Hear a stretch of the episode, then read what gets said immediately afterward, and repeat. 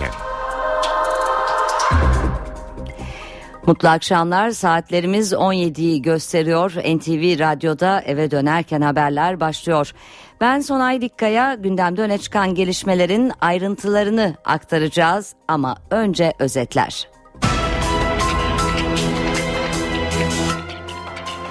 Cumhurbaşkanı Abdullah Gül, TÜSİAD Yüksek İstişare Konseyi toplantısına katıldı ve iş dünyasına Cumhurbaşkanlığı seçimi var diye telaşlanmayın. Kurallar belli mesajı verdi. TÜSİAD yönetimindense siyasetçilere üslup, diyalog, hukukun üstünlüğü ve demokratikleşme uyarısı geldi. Aziz Yıldırım'a cezaevi yolu göründü. Yargıtay Başsavcılığı Aziz Yıldırım'ın kesinleşen hapis cezasına yaptığı itirazı reddetti ve infaz sürecini resmen başlattı. Merkez Bankası Başkanı istifa edeceği haberleri için söylentilere itibar etmeyin mesajı verdi. Yaz geldi İstanbul için alarm zili çaldı. Barajların sadece %32'si dolu, susuzluk kapıda. İSKİ İstanbullulara tasarrufu öğretecek kampanyaya başladı. Cannes Film Festivali'nde yarışacak filmler belli oldu. Seçilen adaylar arasında Nuri Bilge Ceylan'ın 3 saat 16 dakikalık filmi de var. Günün öne çıkan haberlerinden özetleri aktardık. Şimdi ayrıntılar. Siyasetin gündemi yaklaşan Cumhurbaşkanlığı seçimleri. Cumhurbaşkanı Abdullah Gül bugün TÜSİAD Yüksek İstişare Konseyi toplantısına katıldı ve iş dünyasına Cumhurbaşkanlığı seçimi var diye telaşlanmayın. Kurallar belli mesajı verdi. Gül ayrıca devlet içinde ayrı oluşumlara izin verilmeyeceğinin altını çizdi. Sizler moralinizi hiç bozmayın. Herkesin işine ve gücüne bakması gerekir. Cumhurbaşkanı Abdullah Gül iş adamlarına bu uyarıyı yaptı. Sert yerel seçim sürecinin geride kaldığını söyledi. Gül gelecek için telaşlanmayın mesajı verdi. Önümüzde Cumhurbaşkanlığı seçimleri, diğer seçimler var diye telaşa da hiç kapılmamak lazım. Nihayette her şeyin kuralları da belli. Türkiye seçim döneminden geçti. Seçim döneminin ne kadar sert olduğunu ve ne kadar biraz gergin olduğunu hep beraber yaşadık. Ama şunu da unutmayın, Türk siyasi geleneği maalesef böyle. Cumhurbaşkanı konjonktürel tartışmalar olur.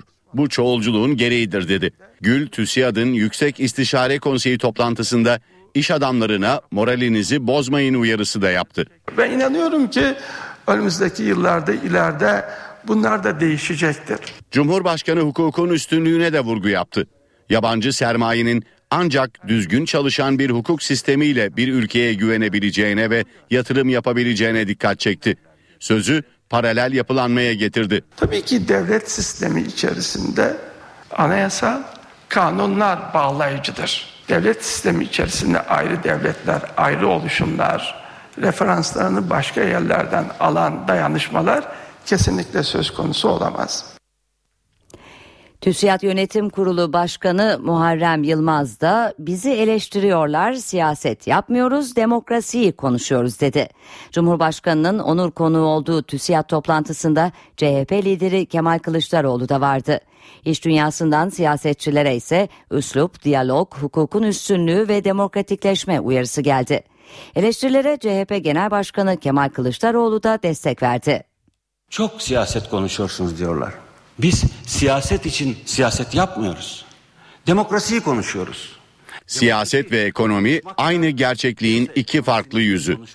TÜSİAD Başkanı Muharrem Yılmaz, TÜSİAD siyaset yapıyor eleştirilerine bu yanıtı verdi. Yılmaz seçim sürecinin devam ettiğini söyledi. Siyasilere üslup uyarısı yaptı. Yerel seçimler maalesef hayli yıpratıcı geçti. Önümüzdeki dönemi de böyle geçirirsek demokrasimizi geliştirme konusunu tartışmaya toplumca mecalimiz kalmayacak korkusundayım. TÜSİAD Başkanı'nın bir diğer uyarısı hukukun üstünlüğü ve demokratikleşme konusundaydı. Biz olmamız için de vazgeçilmezdir hukuk. Yavaş demokratikleşmenin ekonomik büyümesi de yavaş oluyor. TÜSİAD Yüksek İstişare Konseyi Başkanı Erkut Yüceoğlu'nun eleştirileri ise ifade özgürlüğüne yönelikti. Türkiye'yi Twitter'a, YouTube'a erişimi engelleyen bir ülke olarak gördü dünya ve bizi hiç arzu etmediğimiz bir kategoriye soktu. TÜSİAD'dan hükümete yöneltilen bu eleştirilere CHP lideri Kemal Kılıçdaroğlu da destek verdi. Hukukun üstünlüğünün ihlal edildiği bir toplumda e, iş dünyası endişe taşıyorsa bu endişeleri de dile getirecek. Bu endişeleri giderecek olan yapı şu anda Türkiye'de yok. CHP lideri Cumhurbaşkanlığı adaylığı konusunda gül gibi kimse cebinde görmemeli dedi. 1982 Anayasası'nın yetkilerini kullanarak Cumhurbaşkanlığı yapma tartışmaları ile ilgili konuştu. Yeni bir Kenan Evren'e ihtiyacımız yok arkadaşlar. Gözler TÜSİAD'ın toplantısındayken ana muhalefet partisinde sürpriz bir açıklama gündeme oturdu. CHP'nin eski genel başkanı Deniz Baykal, Antalya'da seçimi kazanan ilçe belediye başkanlarını ziyareti sırasında genel merkeze sert eleştiriler yöneltti. Çılgınca hatalar yapıldı, tazelenmeye ihtiyaç var diyen Baykal, sözlerinin kurultay çağrısı anlamına gelip gelmediği sorusu üzerine de hangi yöntemle olur bilmiyorum dedi.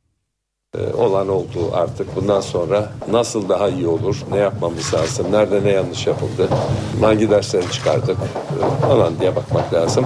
Yani bunu da böyle birbirimizi suçlamak için ya da e, kendimizi savunmak için onu bunu suçlayarak falan e, yapmamamız lazım. Gerçeği görmemiz lazım. Gerçek açık tabii. Antalya'da Cumhuriyet Halk Partisi nin hak ettiği bu değildir. Yanlış yaptığımız açık, hata olduğu açık.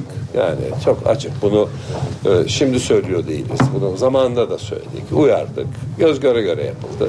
E, yani ne yapalım işte olunca böyle oluyor yani.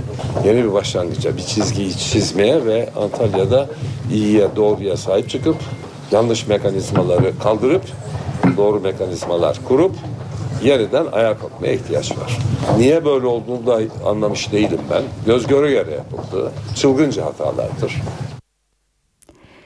Yargıtay Cumhuriyet Başsavcılığı şike davasında 6 yıl 3 ay hapse mahkum olan Fenerbahçe Başkanı Aziz Yıldırım'ın itirazını reddetti ve Yıldırım'ın cezasının infazı için süreci başlattı.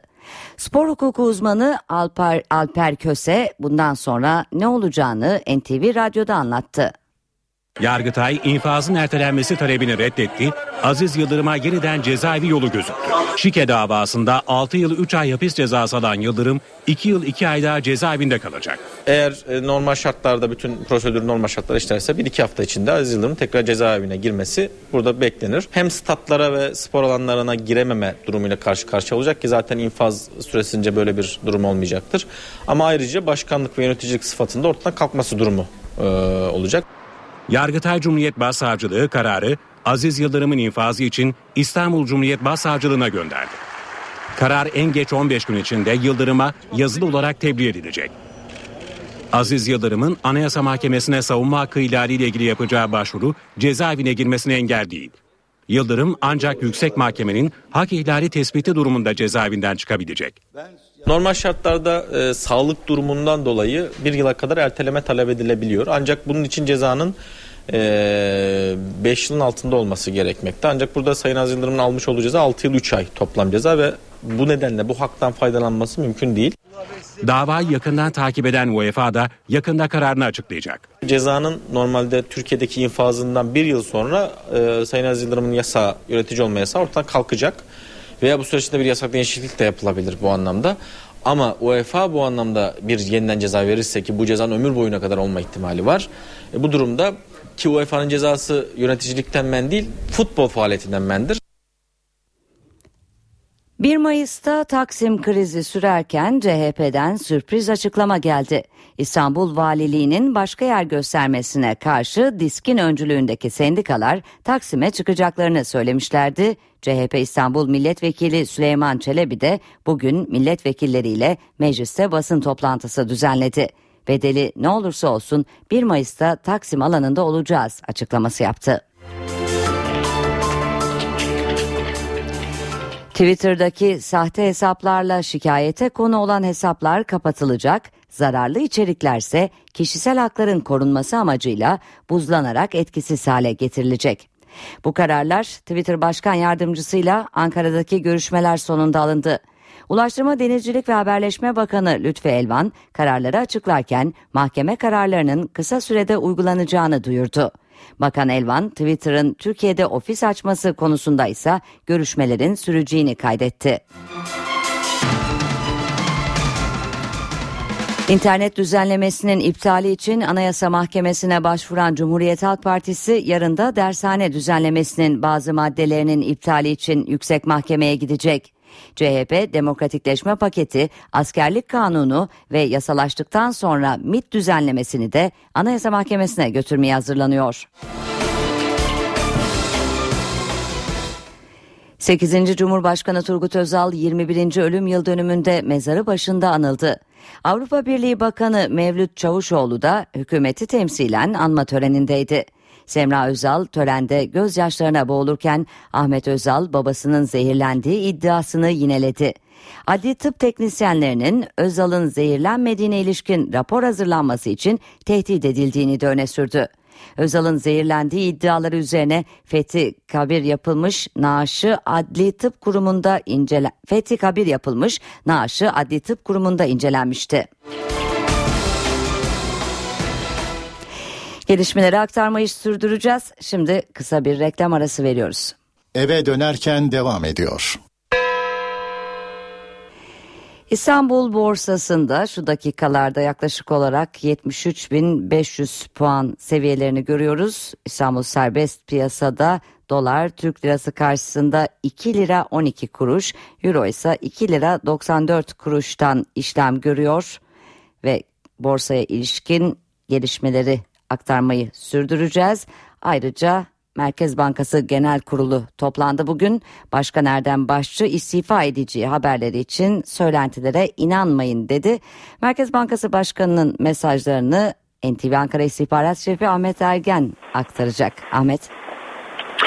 Merkez Bankası Genel Kurulu aslında 2013 yılına ait 82. döneme e, yönelik olağan genel kuruldu. Hesapların ibrası ve e, bankanın bazı yönetim organlarına yapılacak e, seçimler için genel kurul toplanmıştı ama son bir haftadır Merkez Bankası Başkanı Erdem Başçı ve faiz kararını veren para politikasının para politikası kurulunun bazı üyelerinin istifasına sahne olacağı haberleriyle gündemdeydi. Böyle bir gelişme olmadı. Zaten e, para politikası kurulu e, ya da diğer yönetim organları için genel kurulda herhangi bir seçim yapılmayacaktı. Sadece banka meclisine denetleme kuruluna seçim yapılacaktı. Merkez Bankası Başkanı Erdem Başçı da genel kurul sonrasında bu konudaki soruları yanıtladı ve hem kendisini hem de para politikası kurulunun bütün üyelerini kastederek görevimizin başındayız dedi. İstifa söylentilerine itibar etmeyin. Bu konuda bizden gelecek herhangi bir resmi açıklama olmadıkça hiçbir e, habere, hiçbir bilgiye itibar etmeyin dedi ve bu anlamda bir istifa durumunun söz konusu olmadığını e, belki e, konunun en yetkili ismi ve e, en doğru adresi olarak da açıklamış oldu. Bunun dışında baktığımızda Banka Meclisi'nin görev süresi dolan iki üyesi vardı. Vehbi Çıtak ve Lokman Gündüz Hazine Müsteşarlığı ana hissedar olarak bu iki ismi yeniden banka meclisine önerdi. Yani herhangi bir değişikliğe banka meclisinde de gidilmedi ve genel kurul Lokman Gündüz ve Vehbi Çita üçer yıllığına yeniden banka meclisine seçti. Tek değişiklik denetleme kurulu üyeliğinde oldu. Denetleme kurulunda Hasan Türedi'nin görev süresi sona ermişti. Hasan Türedi'nin yerine yine Hazine Müsteşarlığı'nın önerisiyle Mehmet Ziya Gökalp seçildi e, ve iki yıl süreyle e, Merkez Bankası'nda denetleme kurulu üyeliğini Mehmet Ziya Gökalp e, sürdürecek. E, belki ana konuyu tekrar etmekte fayda var. İstifa söylentileri vardı Merkez Bankası'nda başkan ve bazı para politikası kurulu üyeleri için Erdem Başçı net ifadelerle görevimizin başındayız ve hiçbir şekilde istifa söylentilerine itibar etmeyin dedi. Ve spordan bir son dakika gelişmesiyle devam edelim. Fenerbahçe Yönetim Kurulu Aziz Yıldırım'ın çağrısıyla yarın olağanüstü toplanıyor. Aziz Yıldırım'ın hapis cezasına ilişkin itirazının reddedilmesinden sonra süreç görüşülecek. Bu arada PFDK Fenerbahçe'ye bir maç seyircisiz oynama cezası verdi. Ayrıca Trabzonspor ve Eskişehir Spor'a da birer maç seyircisiz oynama cezası verildi. Kış geçti ve İstanbul için alarm zilleri çalıyor. Bir mucize olmazsa bu yaz susuz geçecek. Barajların sadece yüzde 32'si dolu. Durum böyle olunca İSKİ İstanbullulara tasarrufu öğretecek kampanyaya başladı. Hazırlanan animasyon filmde vatandaşa hortum yerine kova ile araba yıkaması, çamaşır ve bulaşık makinelerinin dolunca çalıştırılması, diş fırçalarken musluğun kapatılması gibi öneriler dikkat çekiyor.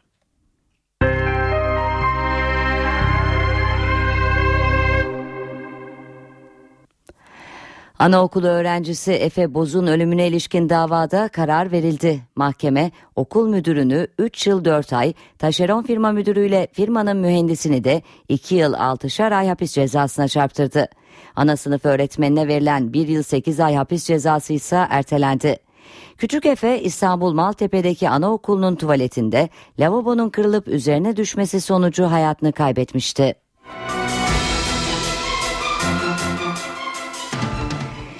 Gezi olaylarında Berkin Elvan'ın vurulduğu yerde bir tomadan çekilen görüntüler ortaya çıktı. Elvan ailesinin avukatları polisin daha önce 3 kere olay yerinden görüntü yok dediği halde ortaya çıkan bu görüntüleri dosyaya koydu. 16 Haziran 2013 günü Berkin Elvan'ın vurulduğu Ok Meydanı'nda ara sokakta görev yapan Toma'nın çektiği görüntüler emniyete göre Berkin vurulduktan 6 saat sonra çekilmiş. Ancak Elvan ailesinin avukatları kendilerine ulaşan kayıtlarda saat ve tarih olmadığını söylüyor. Avukatlar şimdi çekildiği saati anlamak ve şüpheli polisleri belirlemek için görüntüleri inceliyor.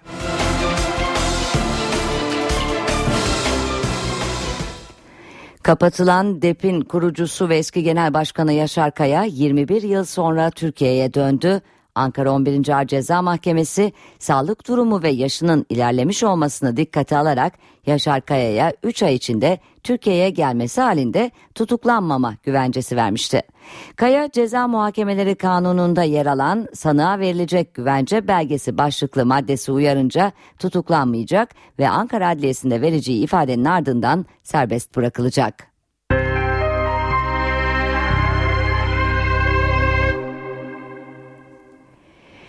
Yunanistan Yunan adalarına kaçak taşıdığından şüphelendikleri bir sürat teknesine uyarı ateşi açıldığını, kurşunun sekerek Türk vatandaşı olan kaptanın hayatını kaybettiğini açıkladı. Kos Liman Müdürlüğü'nün de olayla ilgili soruşturma başlattığı belirtiliyor.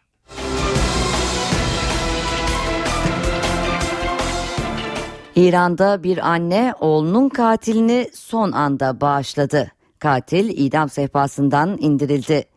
7 yıl önce cinayet işleyen genç İran yasalarına göre idam cezasına çarptırılmıştı. İnfaz için gözleri bağlandı, boynuna ip geçirileceği sırada kurbanın annesi affettiğini açıkladı. Yüzüne bir tokat atarak cezalandırıldı. Katil ipten kurtulurken kurbanın ve katilin anneleri gözyaşları içinde birbirine sarıldı.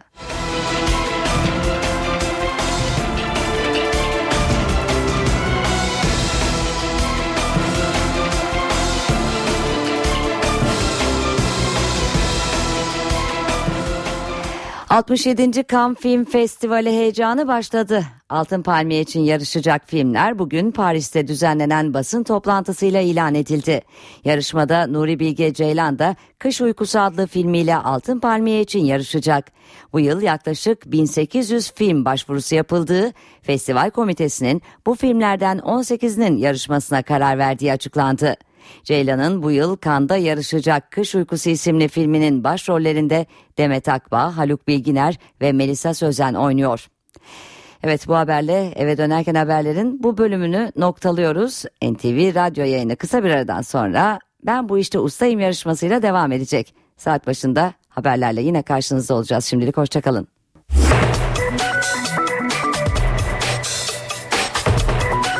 Burası NTV Radyo. Saat 10.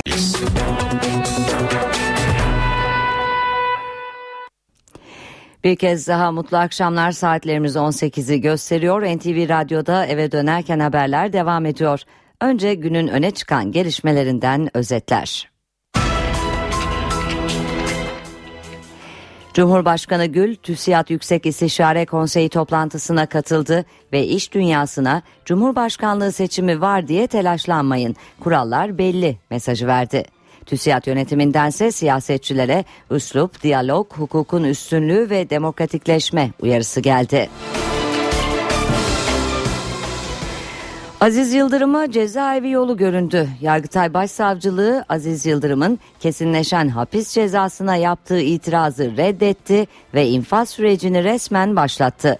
Fenerbahçe Yönetim Kurulu yarın olağanüstü toplanıyor. Yerel seçimden sonra CHP'de kurultay söylentileri başladı.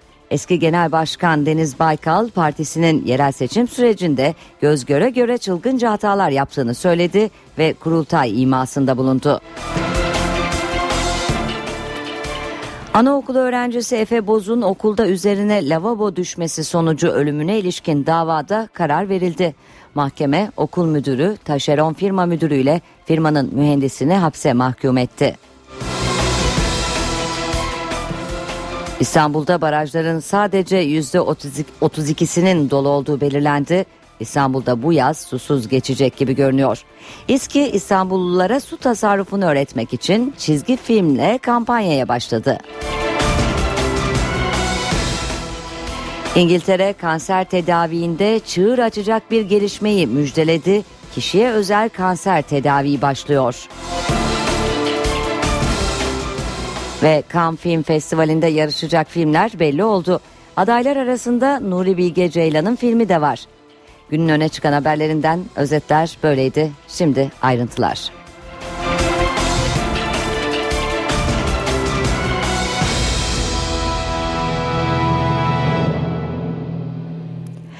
Siyasetin gündemi yaklaşan Cumhurbaşkanlığı seçimleri. Cumhurbaşkanı Abdullah Gül bugün TÜSİAD Yüksek İstişare Konseyi toplantısına katıldı ve iş dünyasına Cumhurbaşkanlığı seçimi var diye telaşlanmayın kurallar belli mesajı verdi. Gül ayrıca devlet içinde ayrı oluşumlara izin verilmeyeceğinin altını çizdi. Sizler moralinizi hiç bozmayın. Herkesin işine ve gücüne bakması gerekir. Cumhurbaşkanı Abdullah Gül iş adamlarına bu uyarıyı yaptı sert yerel seçim sürecinin geride kaldığını söyledi. Gül, gelecek için telaşlanmayın mesajı verdi. Önümüzde Cumhurbaşkanlığı seçimleri, diğer seçimler var diye telaşa da hiç kapılmamak lazım. Nihayette her şeyin kuralları da belli. Türkiye seçim döneminden geçti. Seçim döneminin ne kadar sert olduğunu ve ne kadar biraz gergin olduğunu hep beraber yaşadık. Ama şunu da unutmayın, Türk siyasi geleneği maalesef böyle. Cumhurbaşkanı konjonktürel tartışmalar olur. Bu çoğulculuğun gereğidir dedi. Gül TÜSİAD'ın Yüksek İstişare Konseyi toplantısında iş adamlarına moralinizi bozmayın uyarısı da yaptı. Ben inanıyorum ki önümüzdeki yıllarda ileride bunlar da değişecektir. Cumhurbaşkanı hukukun üstünlüğüne de vurgu yaptı. Yabancı sermayenin ancak düzgün çalışan bir hukuk sistemiyle bir ülkeye güvenebileceğine ve yatırım yapabileceğine dikkat çekti. Sözü paralel yapılanmaya getirdi. Tabii ki devlet sistemi içerisinde anayasa kanunlar bağlayıcıdır. Devlet sistemi içerisinde ayrı devletler, ayrı oluşumlar, referanslarını başka yerlerden alan dayanışmalar kesinlikle söz konusu olamaz. TÜSİAD Yönetim Kurulu Başkanı Muharrem Yılmaz da bizi eleştiriyorlar siyaset yapmıyoruz demokrasiyi konuşuyoruz dedi. Cumhurbaşkanının onur konuğu olduğu TÜSİAD toplantısında CHP lideri Kemal Kılıçdaroğlu da vardı. İş dünyasından siyasetçilere ise üslup, diyalog, hukukun üstünlüğü ve demokratikleşme uyarısı geldi. Eleştirilere CHP Genel Başkanı Kemal Kılıçdaroğlu da destek verdi. Çok siyaset konuşuyorsunuz diyorlar. Biz siyaset için siyaset yapmıyoruz. Demokrasiyi konuşuyoruz. Siyaset ve ekonomi aynı gerçekliğin iki farklı yüzü. TÜSİAD Başkanı Muharrem Yılmaz, TÜSİAD siyaset yapıyor eleştirilerine bu yanıtı verdi. Yılmaz seçim sürecinin devam ettiğini söyledi. Siyasilere üslup uyarısı yaptı. Yerel seçimler maalesef hayli yıpratıcı geçti. Önümüzdeki dönemi de böyle geçirirsek demokrasimizi geliştirme konusunu tartışmaya toplumca mecalimiz kalmayacak korkusundayım. TÜSİAD Başkanı'nın bir diğer uyarısı hukukun üstünlüğü ve demokratikleşme konusundaydı. Biz olmamız için de vazgeçilmezdir hukuk. Yavaş demokratikleşmenin ekonomik büyümesi de yavaş oluyor. TÜSİAD Yüksek İstişare Konseyi Başkanı Erkut Yüceoğlu'nun eleştirileri ise ifade özgürlüğüne yönelikti. Türkiye'yi Twitter'a, YouTube'a erişimi engelleyen bir ülke olarak gördü dünya. ve bizi hiç arzu etmediğimiz bir kategoriye soktu. TÜSİAD'dan hükümete yöneltilen bu eleştirilere CHP lideri Kemal Kılıçdaroğlu da destek verdi. Hukukun üstünlüğünün ihlal edildiği bir toplumda e, iş dünyası endişe taşıyorsa bu endişeleri de dile getirecek. O endişeleri giderecek olan yapı şu anda Türkiye'de yok. CHP lideri Cumhurbaşkanlığı adaylığı konusunda gül gibi kimse cebinde görmemeli dedi. 1982 Anayasası'nın yetkilerini kullanarak Cumhurbaşkanlığı yapma tartışmaları ile ilgili konuştu. Yeni bir Kenan Evren'e ihtiyacımız yok arkadaşlar. CHP eski Genel Başkanı Deniz Baykal partisinin yerel seçim sürecinde göz göre göre çılgınca hatalar yaptığını söyledi.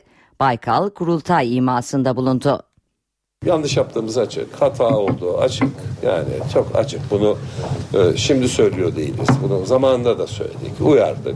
Göz göre göre yapıldı. Çılgınca hatalardır. Eski CHP Genel Başkanı Deniz Baykal, yerel seçimlerle ilgili öz eleştiri yaptı. CHP'nin seçimlerde önemli hatalar yaptığını söyleyen Baykal, dersler çıkarmalıyız dedi. Nasıl daha iyi olur, ne yapmamız lazım, nerede ne yanlış yapıldı, hangi dersleri çıkardık? Falan diye bakmak lazım. Bunu da böyle birbirimizi suçlamak için ya da e, kendimizi savunmak için onu bunu suçlayarak falan e, yapmamamız lazım. Gerçeği görmemiz lazım. Baykal, CHP'de yeni bir başlangıca ihtiyaç olduğunu söyledi. Tazelenmeye bir yenilenmeye ihtiyaç var. Bu hangi yöntemle olur, ne olur, nasıl olur bilmiyor. Kişilerin yapması lazım. Kurumların yapması lazım. İlin yapması lazım. ilçenin yapması lazım. Genel merkezin yapması lazım. Parti bu e, konularda değerlendirme bir sorgulama e, dönemini başlattı. Bir yol haritası çizilecek. Bu süreç şimdi işletiliyor. Hep beraber göreceğiz bakalım nereye gider, ne olur. Ve 1 Mayıs'ta Taksim krizi sürüyor. İstanbul Valiliği izin vermeyeceğini duyurdu. Ancak DİSK, KESK, Türk Tabipler Birliği, Türk Mühendis Mimar Odaları Birliği ise 1 Mayıs'ta Taksim'e çıkmakta ısrarlı. Bugün DİSK'in eski genel başkanlarından CHP İstanbul Milletvekili Süleyman Çelebi de bir grup CHP milletvekiliyle mecliste basın toplantısı yaparak bedeli ne olursa olsun 1 Mayıs'ta Taksim'de olacağız dedi. Twitter'daki sahte hesaplarla şikayete konu olan hesaplar kapatılacak, zararlı içeriklerse kişisel hakların korunması amacıyla buzlanarak etkisiz hale getirilecek. Bu kararlar Twitter Başkan Yardımcısıyla Ankara'daki görüşmeler sonunda alındı. Ulaştırma Denizcilik ve Haberleşme Bakanı Lütfi Elvan kararları açıklarken Twitter'ın Türkiye'de ofis açması konusunda görüşmelerin süreceğini kaydetti.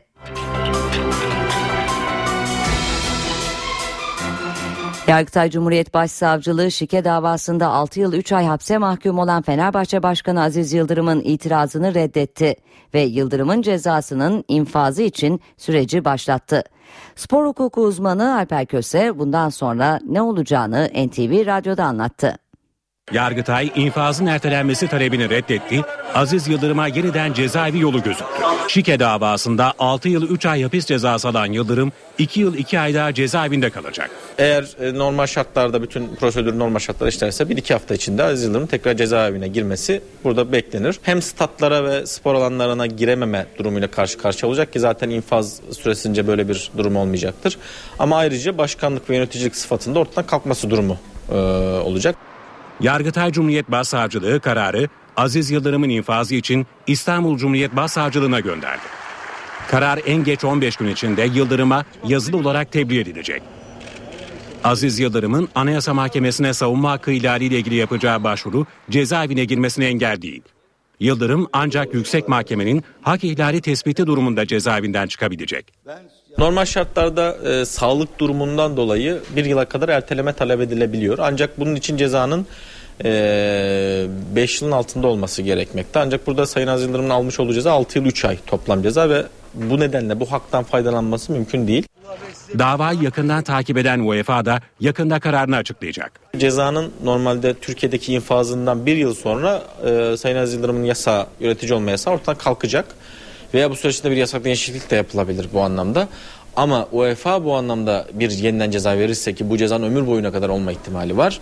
E, bu durumda ki UEFA'nın cezası yöneticilikten men değil futbol faaliyetinden mendir. Bu arada Fenerbahçe Yönetim Kurulu Aziz Yıldırım'ın çağrısıyla yarın olağanüstü toplanıyor. Spordan bir not daha aktaralım. PFDK Fenerbahçe'ye bir maç seyircisiz oynama cezası verdi. Ayrıca Trabzonspor ve Eskişehir Spor'a da birer maç seyircisiz oynama cezası verildi.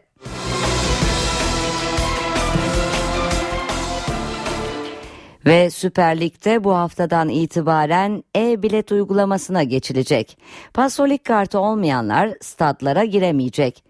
Beşiktaşlı taraftar hafta sonu oynanacak derbi öncesi kart alabilmek için akaretlerdeki kulüp binasına akın etti.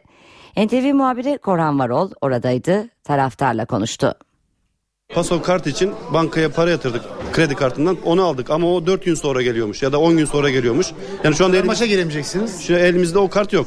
İkincisi e, online olarak bilet almak için üye olmak gerekiyor. Paso.com.tr Derbiye birkaç gün kala taraftar e-bilet kaosu yaşıyor. Üstelik talep beklenenin çok altında. Şu andaki talep düşük. Çünkü yeni bir anlayış. Bunu nasıl alacağız? Nereden alacağız? Kafalar karışık. Pasolik kartı Beşiktaş Fenerbahçe maçı öncesi uygulamaya koyulunca Beşiktaş yönetimi de çareyi kulüp binasına bir pasolik merkezi kurmakta buldu. Buraya gelen taraftarlar gerekli prosedürün ardından pasolik kartlarını buradan alabiliyorlar. Taraftar dertli Beşiktaş yöneticisi Metin Albayrak da bu sıkıntının kombine kart sahipleri için geçerli olmadığını hatırlattı. Albayrak kombine kartı olan taraftarın sezon sonuna kadar iç saha maçlarına girebileceğini kaydetti. Ve kısa bir reklam arası veriyoruz. Eve dönerken devam ediyor. Reklamların ardından yeniden birlikteyiz. Mecliste Güvenlik ve İstihbarat Komisyonu kurulacak. Bu komisyon MİT, Jandarma, Emniyet ve MASAK'ı denetleyecek. Ayrıntılar için parlamentoya bağlanıyoruz. NTV muhabiri Özgür Akbaş karşımızda. Özgür seni dinliyoruz ayrıntılar için. Milli İstihbarat Teşkilatı başta olmak üzere jandarma istihbaratı, emniyet istihbaratı ve mali suçları inceleyen MASAK'a meclis e, denetimi geliyor. AK Parti uzunca zamandır beklenen önergeyi genel kurulda görüşülmekte olan MİT'le ilgili teklifin içine madde iddiası yaparak sundu.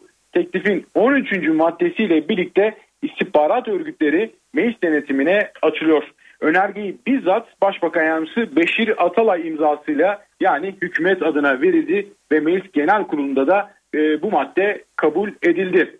Teklifin meclisten geçmesiyle birlikte KİT Komisyonu, Anayasa Komisyonu, Adalet Komisyonu gibi bir ihtisas komisyonu mecliste kurulmuş olacak ve adı da bu yeni komisyonun istihbarat kuruluşlarını denetleyecek olan komisyonun adı da Güvenlik ve İstihbarat Komisyonu olacak. İktidar ve muhalefet partisinden milletvekillerinin oluşturacağı komisyonun 17 kişiden oluşacağını da söyleyelim. AK Parti kurmaylarına göre, göre devrim niteliğinde bir uygulama bu. İstihbarat örgütleri daha şeffaf hale gelecek ve meclis denetimine açılacak. Ancak muhalefete göre göstermelik bir komisyon bu. Bir göz boyama olduğunu ifade ediyor muhalefet partisi temsilcileri. Peki komisyon nasıl çalışacak? Komisyon çalışmalarını kapalı oturumla yapacak.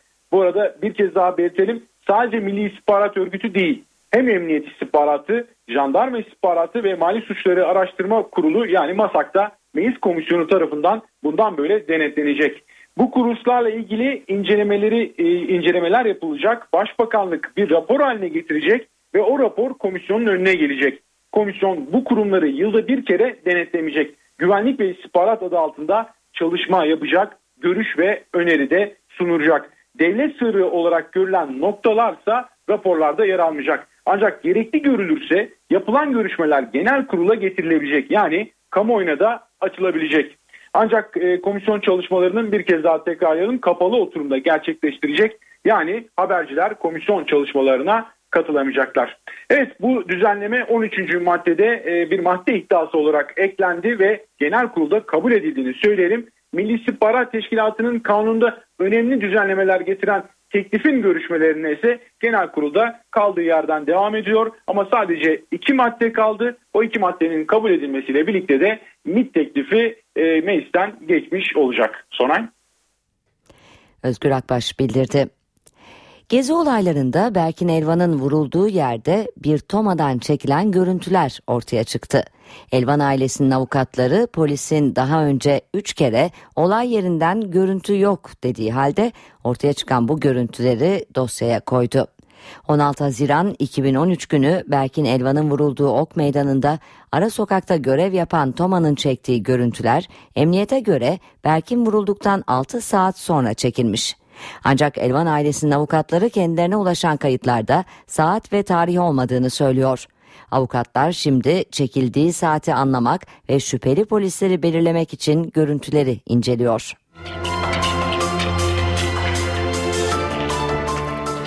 Kapatılan DEP'in kurucusu ve eski genel başkanı Yaşar Kaya 21 yıl sonra Türkiye'ye döndü. Ankara 11. Ağır Ceza Mahkemesi sağlık durumu ve yaşının ilerlemiş olmasını dikkate alarak Yaşar Kaya'ya 3 ay içinde Türkiye'ye gelmesi halinde tutuklanmama güvencesi vermişti. Kaya ceza muhakemeleri kanununda yer alan sanığa verilecek güvence belgesi başlıklı maddesi uyarınca tutuklanmayacak ve Ankara Adliyesi'nde vereceği ifadenin ardından serbest bırakılacak.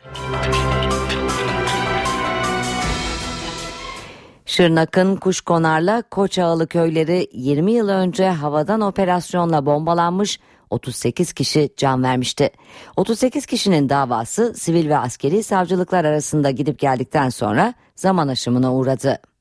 Şırnak'ta 38 köylünün öldüğü hava operasyonu ile ilgili davada karar 20 yılda çıkmadı. Dosya zaman aşımına uğradı. Askeri savcılık kovuşturmaya yer olmadığına hükmetti.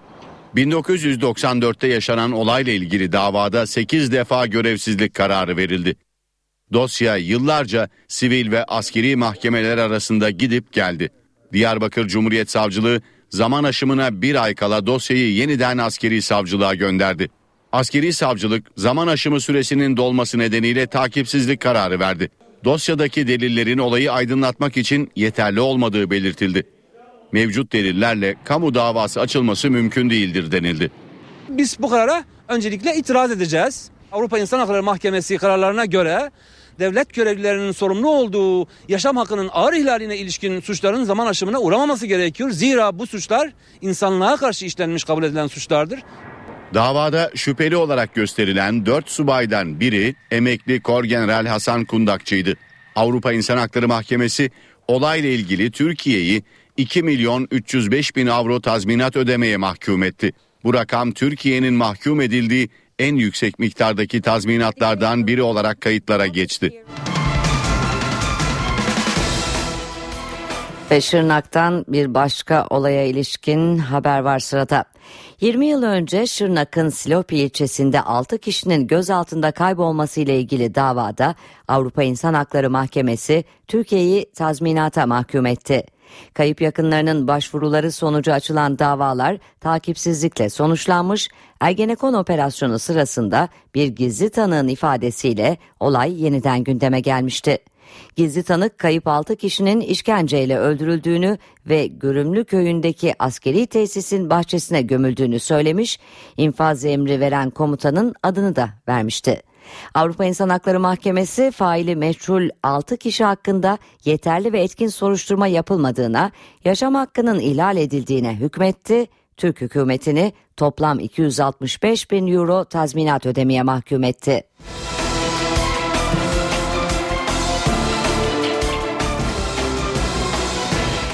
WXQ harflerindeki yasağın kalkmasıyla Diyarbakır'da çok dilli hizmet resmen başladı. Diyarbakır Çocuk Hastanesi'nde artık 5 dilde hizmet veriliyor. Amaç Türkçe bilmeyen hastalarla rahat iletişim kurmak. NTV muhabiri Süleyman Umut Güran, Diyarbakır Çocuk Hastanesi Koordinatörü Hıdır Kurt ve hastalarla yeni dönemi konuştu.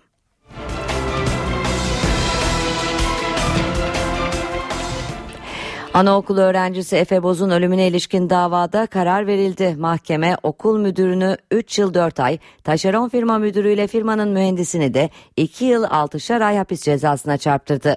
Ana sınıf öğretmenine verilen 1 yıl 8 ay hapis cezası ise ertelendi. Küçük Efe İstanbul Maltepe'deki anaokulunun tuvaletinde lavabonun kırılıp üzerine düşmesi sonucu hayatını kaybetmişti.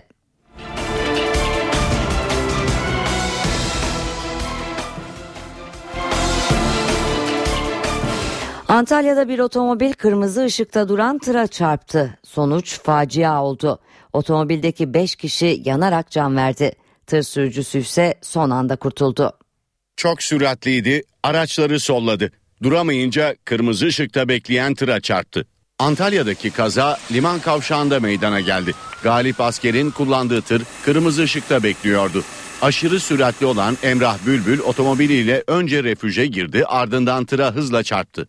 Dorsesinde yük olmayan tırın yakıt deposu alev aldı, ard arda patlama oldu. Tır ve otomobil alev topuna döndü. Otomobilden çıkmaya fırsat bulamayan 5 kişi yanarak yaşamını yitirdi. Tır sürücüsü ise araçtan son anda çıkabildi. Kırmızıda dururken geldi. Buradan ters yönden geldi altıma girdi ya. Altına girdi bunun. Hangi saat abi peki? Kırmızıda geçti taksi. Amasya'da yaşayan Emrah Bülbül Antalya'ya askerlik arkadaşını ziyaret için gitti. Araçta yaşamını yitirenler arasında ziyaretine gittiği arkadaşı Masum Türker de vardı. Kaza nedeniyle Antalya Kemer yolu 5 saat ulaşıma kapandı. 38 yaşındaki Rus kadın 12 yıl önce Türk vatandaşı olmuştu. Antalya'da yakalandığı hastalıktan kurtarılamayan Nelyo Dietova organlarını bağışlamıştı. Organ nakillerinde son yıllarda yüz nakli de yapılıyor.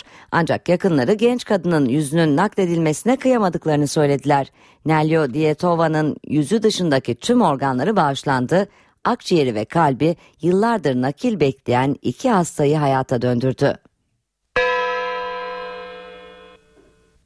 Ve piyasalardaki son duruma bakalım. İstanbul borsası günü dünkü kapanışa göre 1162 puan yükselerek 73.561 puandan kapadı. Serbest piyasada ise dolar Türk lirası karşısında 2 lira 12 kuruştan işlem gördü. Euro 2 lira 94 kuruştan satıldı. Kapalı çarşıda Cumhuriyet altını 596 bin, çeyrek altın 147 liradan alıcı buldu.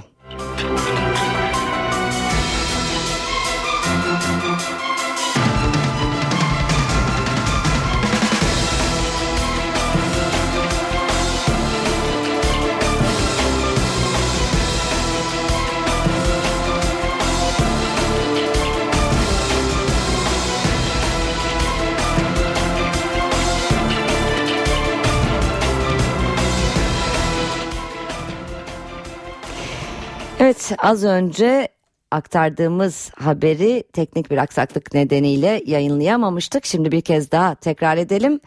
WXQ harflerindeki yasağın kalkmasıyla Diyarbakır'da çok dilli hizmet resmen başladı ve Diyarbakır Çocuk Hastanesi'nde de artık 5 dilde hizmet veriliyor. NTV muhabiri Süleyman Umut Güran, Diyarbakır Çocuk Hastanesi Koordinatörü Hıdır Kurt ve hastalarla yeni dönemi konuştu. Dinleyelim. Diyarbakır Çocuk Hastanesi artık 5 dilde hizmet veriyor. W, X ve Q harflerinin kullanılmaya başlanmasının ardından ilk uygulamalar hayata geçti. Diyarbakır'daki çocuk hastanesinde çok dilli hizmet dönemi başladı. Ameliyathane, yoğun bakım, acil servis ve poliklinik gibi birim yönlendirme tabelaları Türkçe, Kürtçe, Arapça, Zazaca ve İngilizce olarak hazırlandı. Ayrıca hastalar sağlık çalışanlarıyla yine bu dillerde iletişim kurabiliyor. Vatandaşlarımızın bugüne kadar e, hastanelerde yaşamış olduğu kendilerini ifade etme noktasında e, sıkıntıları giderme anlamında büyük bir adım olarak düşünüyoruz. Bölge halkı hizmetten memnun. Kürtçe yazıları gördüğüm zaman kendimi daha değerli, daha mutlu hissediyorum. Çocuğumuzu getirdiğimiz zaman hiç olmazsa e, istediğimiz dilde konuşabiliyoruz. Kendi şeyimizi ifade edebiliyoruz.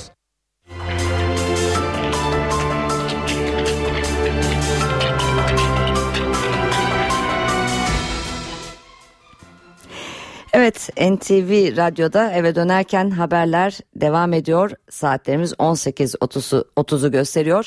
Günün öne çıkan gelişmelerinden satır başlarını hatırlayalım şimdi. Cumhurbaşkanı Gül iş dünyasına Cumhurbaşkanlığı seçimi var diye telaşlanmayın kurallar belli mesajı verdi.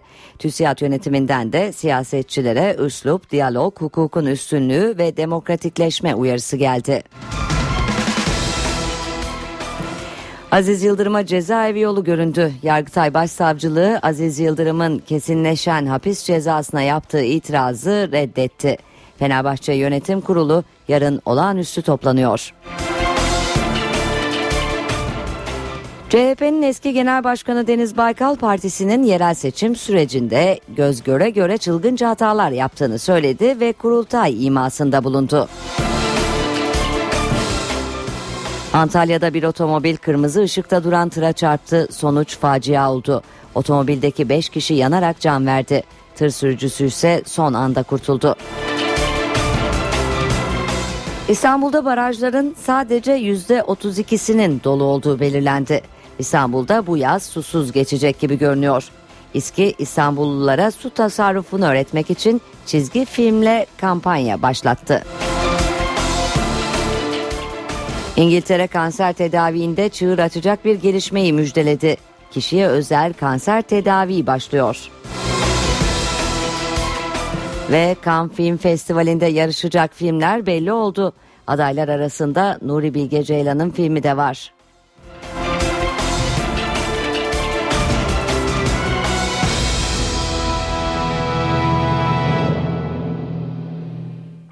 Şimdi yurt geneli için hava tahminlerini alacağız. Dün Van'da kar yağışı başlamış, trafiği aksatacak kadar etkili olmuştu. Bugün ve yarın için de hava tahminlerini NTV Meteoroloji Editörü Gökhan Abur'dan dinliyoruz. İyi akşamlar. Batıdaki yağışlar yarın sıcaklıkları 4-5 derece azaltıyor ama bu azalış uzun süreli değil.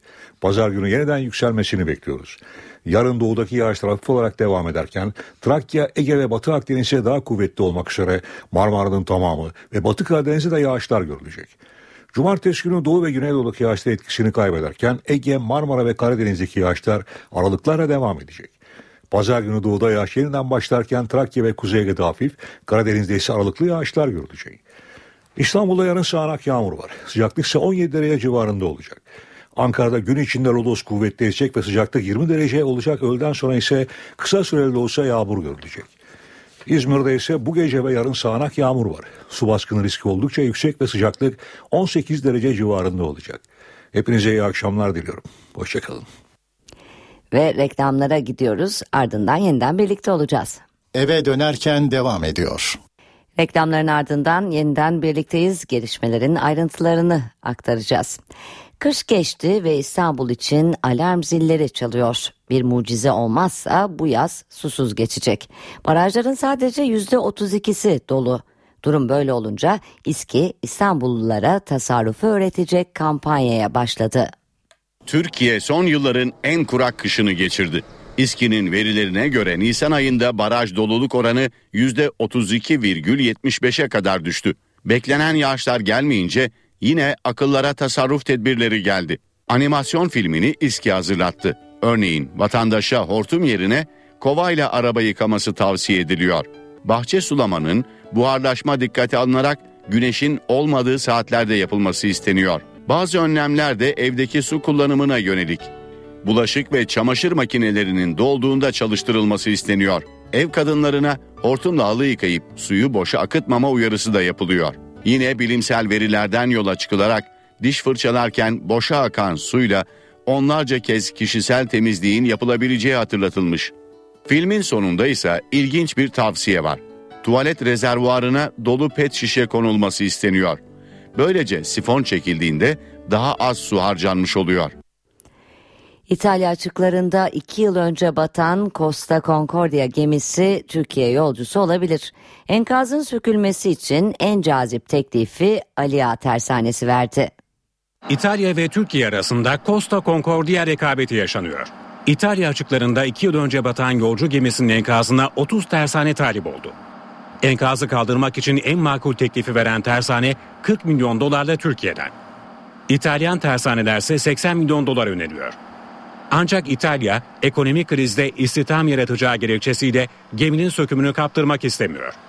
İtalya Sivil Savunma Bakanı Franco Gabrielli söküm işlemi için gönlünde kendi ülkesinin yattığını söylese de teknik ve maddi açıdan Türkiye'nin teklifinin cazip olduğunu belirtiyor.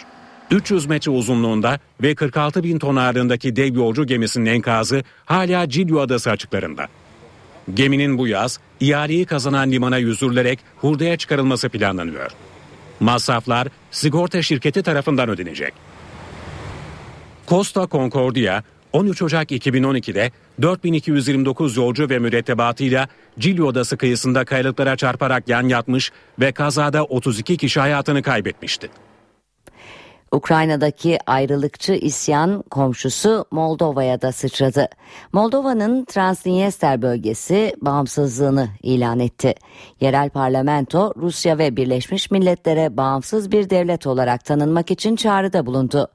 Nüfusunun %60'ı Rus kökenli olan bölgenin henüz Rusya'ya bağlanmak gibi bir talebi olmadı. Bölge 1991 yılında da Moldova'dan bağımsızlığını ilan etmiş ancak uluslararası toplum tarafından tanınmamıştı. Güney Kore açıklarında batan feribotta tüm aramalara rağmen halen çoğu öğrenci 287 kişi kayıp.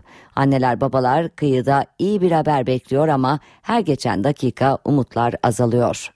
Güney Kore, ülkenin güney kıyısında batan feribotta bulunan çoğu çocuk yaklaşık 300 kişi için seferber olmuş durumda. Yüzlerce dalgıç feribottan çıkamayan kayıplara ulaşmaya çalışıyor.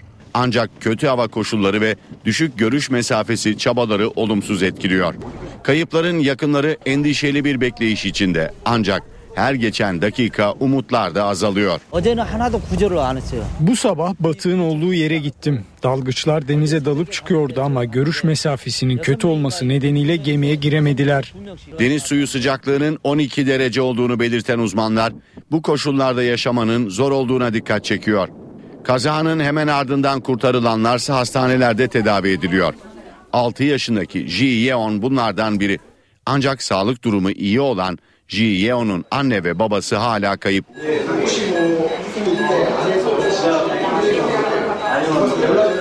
Yetkililer şiddetli bir sesin ardından geminin 2 saat gibi kısa sürede neden battığını bulmaya çalışıyor.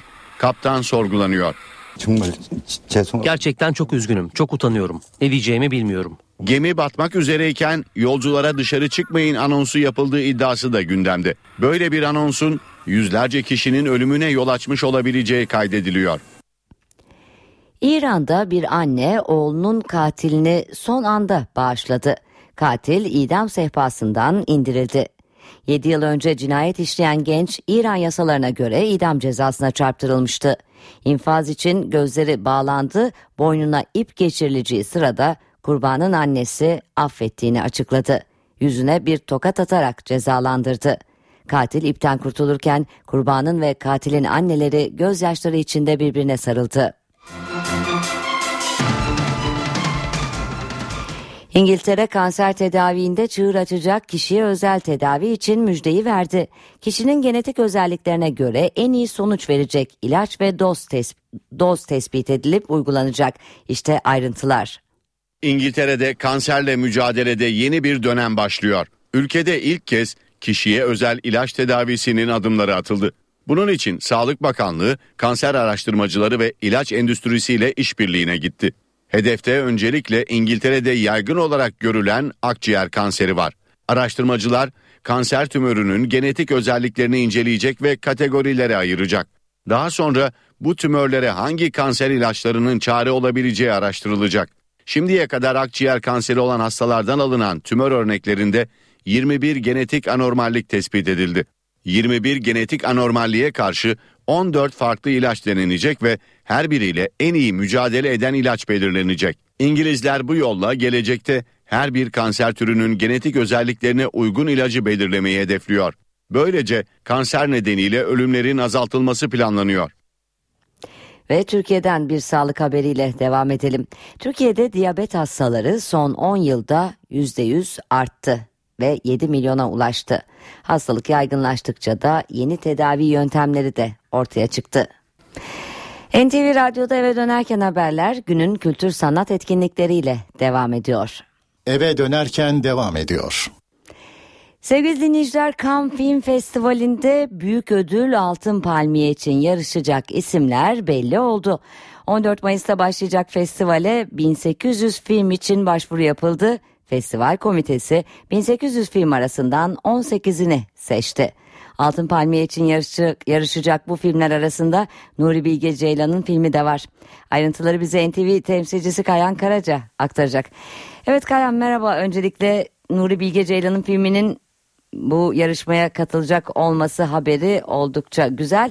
Ancak filmin süresinin 3 saat 16 dakika olduğu açıklanmış. Çok uzun bir film. E, bu arada ünlü yönetmen Fatih Akın'ın da yarışmaya filmini gönderdiği ancak son anda çekildiği yönde de haberler geldi. Seni dinleyelim bu konunun ayrıntıları için. Evet, e, Türk sineması bu yıl bir kez daha e, dünyanın en prestijli sinema festivali, film festivali olarak gösterilen e, Cannes Film Festivali'nde temsil edilecek. Hem de yine Nuri Bilge Ceylan'la temsil edilecek. E, zira e, Bilge Ceylan e, yıllardır Cannes Film Festivali'nde tanınan bir isim, sevilen bir isim hatta hem ödüller aldı bu festivalde hem de jüri üyeliği yapmış bir isim olarak e, tanınıyor. Ve festivalin yöneticileri e, daha doğrusu festival komitesinin yöneticileri bu sabah Paris'te e, hangi filmlerin finale kaldığını açıklarken düzenledikleri basın toplantısında e, Nuri Bilge Ceylan'ın e, filminden söz ederken e, senin de belirttiğin gibi 3 saat 16 e, dakikalık e, bir film olduğunu söyleyince salonda tabii bütün basın mensupları önce e, bir e, şaşkın e, olarak şaşkın şaşkın sesler çıkardılar. Ancak e, bunun bir handikap olmadığını söyledi festival komitesi başkanı.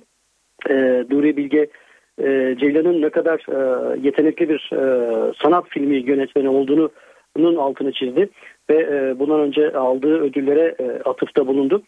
E, Kış Uykusu e, filminin başrollerinde hepimiz biliyoruz. Demet Akbağ, Haluk Bilginer ve Melisa Sözen gibi isimler var. E, Altın Palmiye için yarışacak 18 film yani finale kalan 18 film ki biraz önce senin de belirttiğin gibi 1800 film e, için başvuru yapılmıştı. Bunlardan sadece 18'i e, finale kaldı. E, bu yıl e, sinema eleştirmenleri e, az ama öz diyorlar final için. Geçtiğimiz yıllarda 20 ya da 20'den fazla film e, finale kalıyordu. Bu yıl 18 film seçilmiş. E, yalnız seçilen filmlerin e, yönetmenlerinin kimler olduğuna baktığımızda aslında gerçekten Bilge Ceylan'ın, Nuri Bilge Ceylan'ın zor bir e, yarışmanın beklediğini söyleyebiliriz. Bu yönetmenler arasında David e, Cronenberg, Atom Egoyan, e, Jean-Luc Godard, e, Tommy Lee Jones, e, aktör olarak bildiğimiz Tommy Lee Jones bu sefer yönetmen olarak Cannes Film Festivali'ne katılıyor ve daha önce Cannes Film Festivali'ni defalarca kazanmış olan Ken Loach gibi yönetmenler var. Bu nedenle sinema eleştirmenleri bu sabah listenin açıklanmasından sonra çok renkli bir festivalin dünyayı, dünya sinemasını beklediğini söylüyorlar. Festival 14-25 Mayıs tarihleri arasında gerçekleşecek. 14 Mayıs'ta aslında açılış e, gala gecesi de çok enteresan bir filmle yapılıyor. E, eski Monaco Prensesi Grace Kelly'nin hayatını anlatan bir film, e, filmin gösterimiyle başlayacak. Trafik kazasında hayatını kaybetmişti Monaco Prensesi ve bu filmde kendisini ünlü aktör, Avustralyalı, Avustralyalı aktör Nicole Kidman canlandırıyor. Filmin ilginç bir özelliği daha var Fransa açısından e, Fransızca uyarlamasında filmin Nicole Kidman'ın dublajını e, Fransa Cumhurbaşkanı François Hollande'ın yeni sevgilisi oyuncu e, kendisi aktris olan Julie Gaya yapıyor. Bu da e, burada e, oldukça e, sansasyon yaratmış durumda. Daha şimdiden tüm e, e, basın bundan bahsetmekte. E, öte yandan festivale bu yıl e, e, festivalin jürisine bu yıl Yeni Zelandalı yönetmen Jane Campion başkanlık edecek. Kendisi de e, ünlü bir sinemacı, senarist. E, hatta 1993 e, yılında düzenlenen Cannes Film Festivali'nde Piano isimli filmiyle Altın Palmiye ödülü kazanmıştı. Kampiyon yine aynı filmle en iyi özgün senaryo dalında da akademi ödülüne layık görülmüştü aynı sene. Nuri Bilge Ceylan'a dönecek olursak Cannes Film Festivali'nin dediğim gibi yabancısı hiç değil çok iyi tanınıyor. 2003 yılında Uzak, 2011 yılında da bir zamanlar Anadolu'da filmleriyle Grand Prix yani büyük ödülün sahibi olmuştu. Grand Prix hemen hatırlatayım Altın Palmiye'den sonra festivalin en önemli ödülü olma özelliğine sahip. 2008 yılında da e, Nuri Bilge Ceylan'ın 3 Maymun adlı filmi en iyi mizansen ödülüne layık görülmüştü. Bu arada e, Fatih Akın'dan bahsettim. E, Fatih Akın'ın aslında Dikkat adlı son filmi e, mutlak e, favoriler arasında gösteriliyordu adaylık için daha birkaç gün öncesine kadar yalnız Fatih Akın e, adaylıktan filmini son anda çekti. Neden çektiğini de e, şahsi nedenlerden ötürü diye e, bir açıklamada getirdi. Ayrıntıları bilmiyoruz. Ancak Fransız eleş, e, Fransız sinema otoriteleri burada film e, yarışmadan çekilmeseydi, adaylıktan çekilmeseydi mutlaka bu 18 arasında yer alır ve hatta Altın Palmiye için ilk 3 arasında gösterilirdi şeklinde bir açıklamada bulundular bugün Sunay. Kayan Karaca'ya teşekkür ediyoruz. Ve saatlerimiz 19'u gösteriyor. NTV Radyo'da ve dönerken haberlerde satır başlarını aktaralım. Merkez Bankası Başkanı Erdem Başçı hakkındaki istifa söylentilerini yalanladı. Başçı Merkez Bankası Genel Kurulu'nda konuştu. Yıl sonu enflasyon tahminini de açıkladı. Yıl sonunda %5 olacağını söyledi. Cumhurbaşkanı Gül iş dünyasına Cumhurbaşkanlığı seçimi var diye telaşlanmayın kurallar belli mesajı verdi. TÜSİAD yönetiminden de siyasetçilere üslup, diyalog, hukukun üstünlüğü ve demokratikleşme uyarısı geldi. Aziz Yıldırım'a cezaevi yolu göründü. Yargıtay Başsavcılığı Aziz Yıldırım'ın kesinleşen hapis cezasına yaptığı itirazı reddetti. Fenerbahçe Yönetim Kurulu yarın olağanüstü toplanıyor. CHP'nin eski genel başkanı Deniz Baykal partisinin yerel seçim sürecinde göz göre göre çılgınca hatalar yaptığını söyledi ve kurultay imasında bulundu.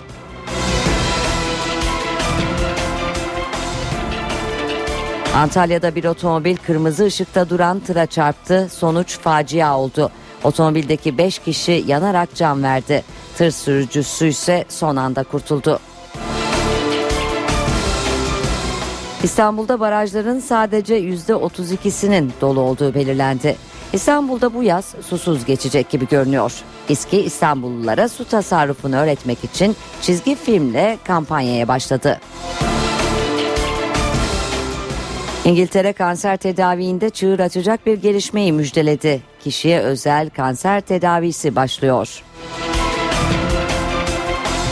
Ve Cannes Film Festivali'nde yarışacak filmler belli oldu. Adaylar arasında Nuri Bilge Ceylan'ın filmi de var. İstanbul'daki trafik durumuna göz atalım. Köprülerle başlayalım. Boğaziçi Köprüsü'nde trafik yoğunluğu oldukça artmış görünüyor. Avrupa'dan Anadolu'ya geçişlerde Çağlayan, Hürriyet Tepesi, Mecidiyeköy, Zincirlikuyu, Boğaz Köprüsü'nün üzeri ve Boğaz Köprüsü çıkışında Altunizade kavşağı dahil olmak üzere şu an itibariyle trafik oldukça yoğun.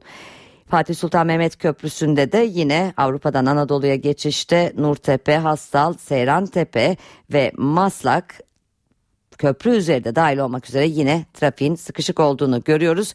Köprü çıkışında da Kavacık Kavşağı'nda da yine trafik oldukça yoğun. Maslak'ta da eski Büyükdere Caddesi'nde yine trafik yoğun ancak akıcı bir yoğunluk gözlemlenmekte.